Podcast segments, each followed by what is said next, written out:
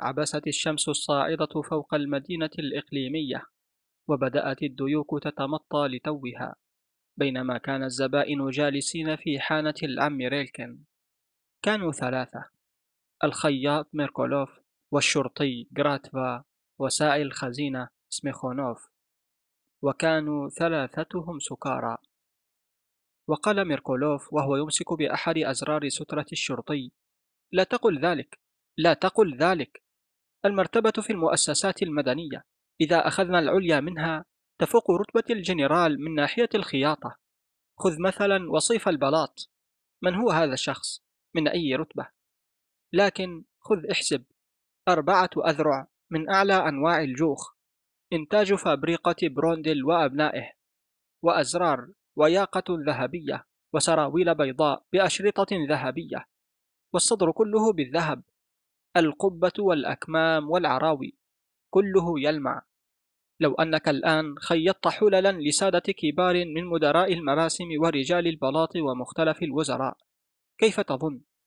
أذكر أننا خيطنا لواحد من هؤلاء السادة الكونت أندري سيميونيفيتش فولياريفسكي حلة لا تقترب منها. إذا أمسكتها بين يديك وجدت النبض في عروقك ينفض. تسيك تسيك السادة الحقيقيون عندما تخيط لهم إياك أن تزعجهم. خذ المقاس وخيط على طول. أما أن تتردد عليهم لعمل بروفات وضبط التفصيل فهذا مستحيل. إن كنت خياطا قديرا فخيط بعد أخذ المقاس على طول. اقفز من أعلى البرج بشرط أن تدخل بقدميك في الحذاء مباشرة. أرأيت؟ وكانت بجوارنا يا أخي كما أذكر ثكنة شرطة. فكان رئيسنا أوسيب يالكيتش يختار من رجال الشرطة الرجال الذين تتفق أجسامهم مع أجسام الزبائن لكي نعمل البروفات عليهم. وبعدين اخترنا يا أخي شرطيا مناسبا لحلة الكونت. استدعيناه. هيا البس يا أحمق وتبختر. ولبس هذه الحلة ويا له من منظر مضحك. ما إن نظر إلى صدره حتى ارتعش. أتعرف؟ سقط مغشيا عليه. واستفهم سيمخونوف وهل فصلتم لمأموري المراكز؟ رد عليه وهل هؤلاء شخصيات؟ في بطرسبورغ هؤلاء المأمورون كالكلاب الضالة هنا ينزعون أمامهم القبعات وينحنون أما هنالك فيقولون لهم أفسح الطريق لا تزاحم كنا نفصل الحلل للسادة العسكريين وللشخصيات من المراتب الأربع الأولى وكل شخصية تختلف عن الأخرى فإذا كنت مثلا من الرتبة الخامسة فأنت تافه. تعال بعد أسبوع وتكون البدلة جاهزة لأنه ليس هناك ما تفعله غير الياقة والأساور. أما إذا كنت من الرتبة الرابعة أو الثالثة أو مثلا الثانية عندئذ ينهال علينا صاحب المحل ونسرع إلى ثكنة الشرطة. في مرة فصلنا يا أخي بدلة للقنصل الفارسي. وطرزنا له على الصدر والظهر قصبا ذهبيا بألف وخمسمائة روبل. وظننا أنه لن يدفع ولكن لا لقد دفع. في بطرسبورغ حتى التتر تجدهم نبلاء الطباع وظل ميركولوف يتحدث طويلا وفي الساعة التاسعة وتحت تأثير الذكريات بكى وراح يشكو بحرقة حظه الذي رماه في هذه المدينة الصغيرة المليئة بالتجار والبرجوازيين فقط.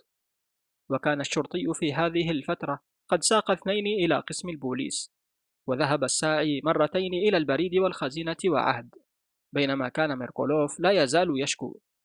وفي الظهر وقف أمام الشماس وأخذ يضرب صدره بقبضته ويتذمر. لا أريد أن أفصل للأوغاد أنا أرفض. في بطرسبورغ فصلت بنفسي للبارون شبوتسيل وللسادة الضباط. ابتعد عني يا قفطان ولائم الموتى. إياك أن تراك عيناي. ابتعد فأكد الشماس للخياط. إنك تضع نفسك في مكانة عالية يا تريفون بانتليتش صحيح أنت فنان في عملك ولكن لا يجوز أن تنسى الله والدين. آري أيضا وضع نفسه عاليا مثلك ولكنه مات من الإسهال. أوه وأنت أيضا ستموت. قال سأموت؟ الأفضل أن أموت من أن أفصل معاطف فلاحية. هل شيطاني هنا؟ تردد فجأة صوت نسائي خلف الباب ودخلت الحانة كسينيا زوجة ميركولوف وهي امرأة كهلة مشمرة الأكمام ومحزومة البطن. أين هو هذا الصنم؟ وطافت على الرواد بنظرة غاضبة. اذهب إلى البيت. إن شاء الله تخطفك مصيبة. هناك ضابط يسأل عنك. فدهش ميركولوف. أي ضابط؟ قالت. وما أدراني. يقول إنه جاء ليفصل بدله. حك ميركولوف أنفه الكبير براحته كلها وهو ما كان يفعله دائما عندما يريد أن يعبر عن دهشته البالغة. ودمدم.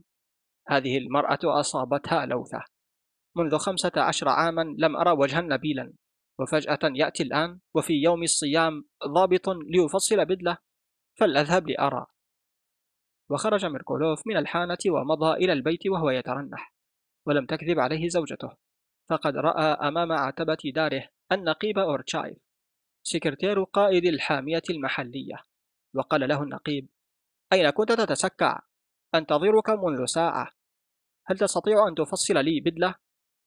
يا صاحب المعالي يا إلهي دمدم ميركولوف وهو يتحشرج ونزع من على رأسه القبعة مع خصلة شعر يا صاحب المعالي وهل هذا جديد علي؟ آه يا إلهي. فصلت للبارون شبوتسيل إدوارد كارليتش والسيد الملازم زمبولاتوف مدين لي حتى الآن بعشرة روبلات. آه يا امرأة هاتي لصاحب المعالي كرسيا. آه يا ربي. هل تأمرون بأخذ مقاسكم أم تسمحون أن أفصل بمجرد النظر؟ قال النقيب.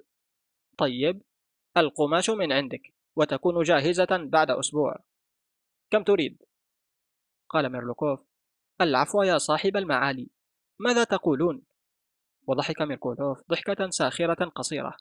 وهل أنا تاجر؟ إننا نعرف كيف نتعامل مع السادة. حتى عندما فصلنا للقنصل الفارسي فصلنا بدون كلام. وبعد أن أخذ ميركولوف مقاييس النقيب وودعه ظل واقفا ساعة كاملة في وسط الغرفة وهو يحدق في زوجته ببلاها. لم يكن يصدق. وأخيرا تمتم. يا لها من مفاجأة يا سلام. من أين أحصل على النقود للقماش؟ يا كسانيا أقرضيني يا أختي ذلك المبلغ الذي حصلت عليه من بيع البقرة. أخرجت له كسينيا لسانها ثم بصقت. وبعد فترة وجيزة بدأت تتعامل مع زوجها بالبشكور وتكسر على رأسه الصحاف الفخارية وتسحبه من لحيته. وتخرج إلى الشارع وتصيح. انظروا يا عباد الله قتلني. ولكن هذه الاحتجاجات لم تأتي بنتيجة. وفي اليوم التالي رقدت في الفراش وهي تخفي عن صبيان الخياط الكدمات الزرقاء. بينما كان ميركولوف يطوف بالدكاكين ويتشاجر مع التجار وهو ينتقي الجوخ المناسب. وحل عهد جديد بالنسبة للخياط فبعد أن يستيقظ ويطوف بنظراته الغائمة على عالمه الصغير لم يعد يبصق بحقد. أما أغرب شيء فهو أنه كف عن الذهاب إلى الحانة وانهمك في العمل. وبعد أن يصلي بصوت خافت يضع النظارة الحديدية الكبيرة ويقطب جبينه ويفرش القماش على الطاولة بخشوع. وبعد أسبوع كانت الحلة جاهزة. وبعد أن كواها ميركولوف خرج إلى الشارع وعلقها على السياج المجدول من الأغصان وراح ينظفها. ينزع منها وبرة ثم يبتعد لمسافة ذراع. ويحدق في الحلة طويلا بعينين مزرورتين ثم يعود فينزع وبرة أخرى. وهكذا لمدة ساعتين. وكان يقول للمارة ما أشق العمل مع هؤلاء السادة؟ لم أعد أطيق. خارت قواي. قوم مثقفون مهذبون. فلتحاول أن تنال رضاهم. وفي اليوم التالي وبعد أن نظف ميركولوف الحلة دهن رأسه بالزيت وصفف شعره. ولف البدلة في قطعة من قماش شيت جديد وتوجه إلى النقيب. وكان يستوقف كل من يقابله قائلا لا وقت عندي للكلام معك أيها الأحمق. ألا ترى أنني أحمل البدلة للنقيب؟ وبعد نصف ساعة عاد من النقيب. واستقبلته كسينيا وهي تبتسم ابتسامة عريضة وقالت بخجل مبروك المكسب يا تريفون بنتليفيتش. فأجابها زوجها يا لك من حمقاء. أتظنين السادة الحقيقيين يدفعون فورا؟ ليسوا كالتجار الذين ما إن تعطيهم حتى يدفعوا فورا. يا لك من حمقاء. رقد ميركولوف يومين على الفرن ولم يشرب أو يأكل واستسلم لمشاعر الرضا عن النفس. تماما مثل هرقل بعد أن انتهى من تحقيق كل بطولاته. وفي اليوم الثالث ذهب ليحصل على النقود. وقال هامسا لجندي المراسلة وهو يتسلل زاحفا إلى المدخل. هل استيقظ صاحب المعالي؟ وعندما تلقى الإجابة بالنفي وقف كالعمود بجوار الباب وراح ينتظر. اطرده من هنا. قل له يوم السبت. سمع ميركولوف بعد انتظار طويل صوت النقيب الأبح. وسمع نفس الشيء يوم السبت. وفي السبت الذي تلاه. وفي السبت الثالث. شهرا كاملا قضاه في التردد على النقيب والانتظار في المدخل ساعات طويلة. وبدلا من النقود كان يحصل على دعوة بالذهاب إلى الشيطان والمجيء يوم السبت ولكنه لم ييأس ولم يتذمر. بالعكس لقد سمن أعجبه الانتظار الطويل في المدخل وكانت أطرده من هنا تنساب في أذنيه كاللحن العذب. قناة قصص عبد الباري الطشاني على اليوتيوب. وعندما يعود إلى البيت من عند النقيب كان يقول بإعجاب هذا هو السيد النبيل. عندنا في بطرسبورغ كانوا كلهم كذلك وكان ميركولوف مستعدا حتى آخر أيام عمره أن يتردد على النقيب وينتظر في المدخل لولا كسينيا التي كانت تطالبه بإعادة النقود ثمن البقرة كانت تلقاه كل مرة بالسؤال هل جئت بالنقود؟ كلا ما الذي تفعله بي أيها الوحش الكاسر؟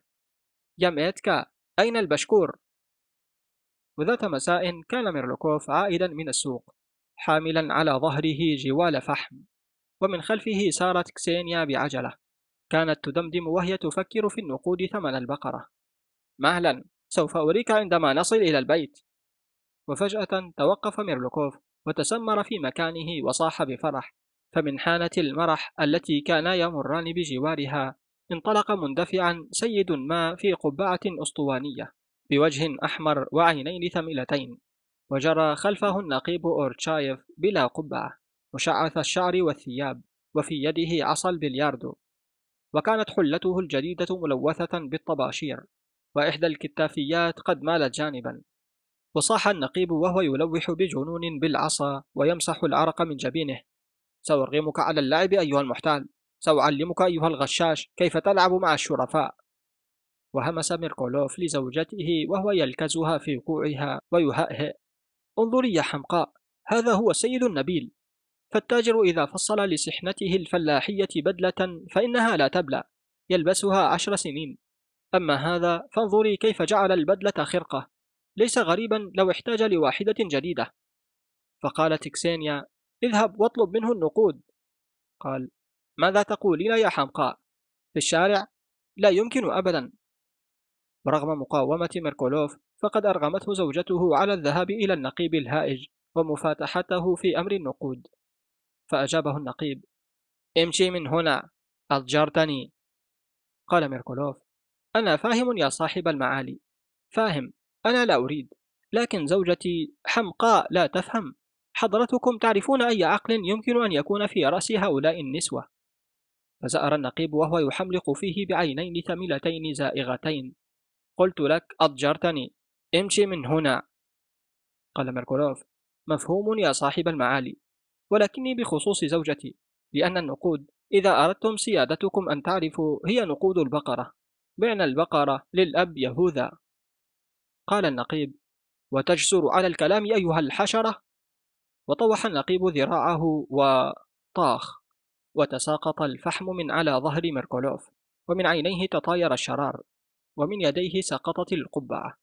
وتملك الذهول كسينيا ووقفت متصلبة حوالي دقيقة ثم خطت إلى الأمام ونظرت بوجل إلى وجه زوجها. ولدهشتها البالغة كان وجه ميركولوف يتهلل بابتسامة غبطة بينما اغرورقت عيناه الضاحكتان بالدموع. ودمدم هؤلاء هم السادة الحقيقيون أناس مهذبون مثقفون بالضبط كما حدث. وفي نفس المكان عندما حملت المعطف إلى البارون شبوتسل إدوار كارليتش طوح يده وضربني. والسيد الملازم زيمبولاتوف أيضا. جئت إليه فهب واقفا وبكل قوته أوه راح ذلك الزمن يا زوجتي. أنت لا تفهمين شيئا. راح زمني. وأشاح ميركولوف بيده. ثم جمع الفحم ومضى إلى البيت. حلة النقيب للأديب الروسي أنطون تشيخوف. قرأها عليكم عبد الباري الطشاني شاهد أيضا أحد هذه الفيديوهات الظاهرة أمامك على الشاشة.